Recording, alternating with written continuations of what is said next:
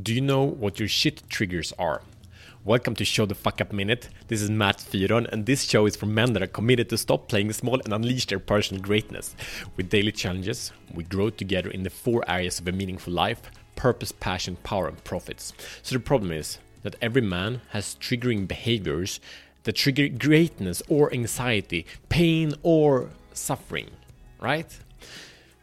So after speaking to over 100 men about this topic, their experience of hard time is usually big. They, there's a big struggle. There's a lot of struggle, and they think they're stuck, like big time. But actually, like when diving deeper in, asking them about like why, what, what started this thing, is kind of just only like one, two, or three things that make everything else go to shit.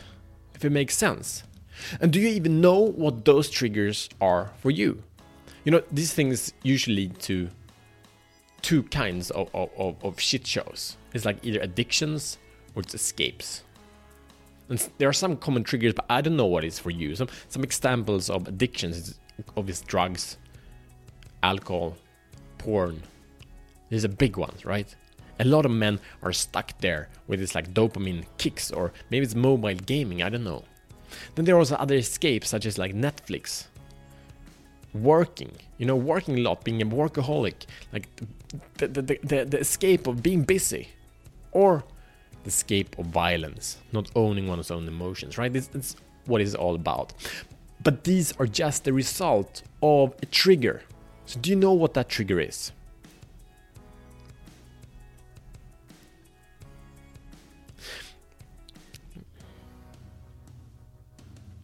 So, what's the solution? Get crystal clear on your triggers and eliminate the risk of them happening. And this will give you, you a life where you can keep up your momentum and not dive into the depths of the pit of pain. Usually we also have like pre-triggers. So for example, a pre-trigger can be a stressful day at work. That's something that has happened.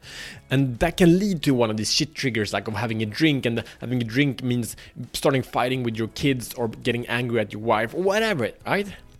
But have uh, like at the same time as, as, as the, the pre-trigger stressful day, a stressful day can also be handled with a workout and then you don't choose that shit trigger, right? So here's the mission if you choose to accept it. Look back in time when you have really, really shitty days or shitty weeks or shitty month, right? Identify, number two, identify the behaviors that got you into the negative loop of self judgment and anxiety. Number three, write down one to three of these.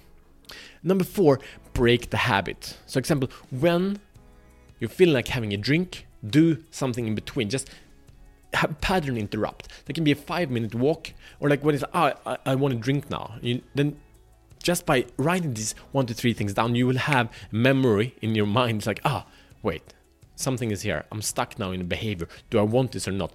I'm just gonna go for five minute walk and then can have the drink. Don't like, oh, I'm never gonna have it. Just take a break, clear, get some clarity. Go for a five minute walk, do 25 push ups, or do you know five breaths do something simple that you can actually do you can commit to it as soon as i feel like going into this triggering behavior my shit trigger I will take this break first. Does it make sense?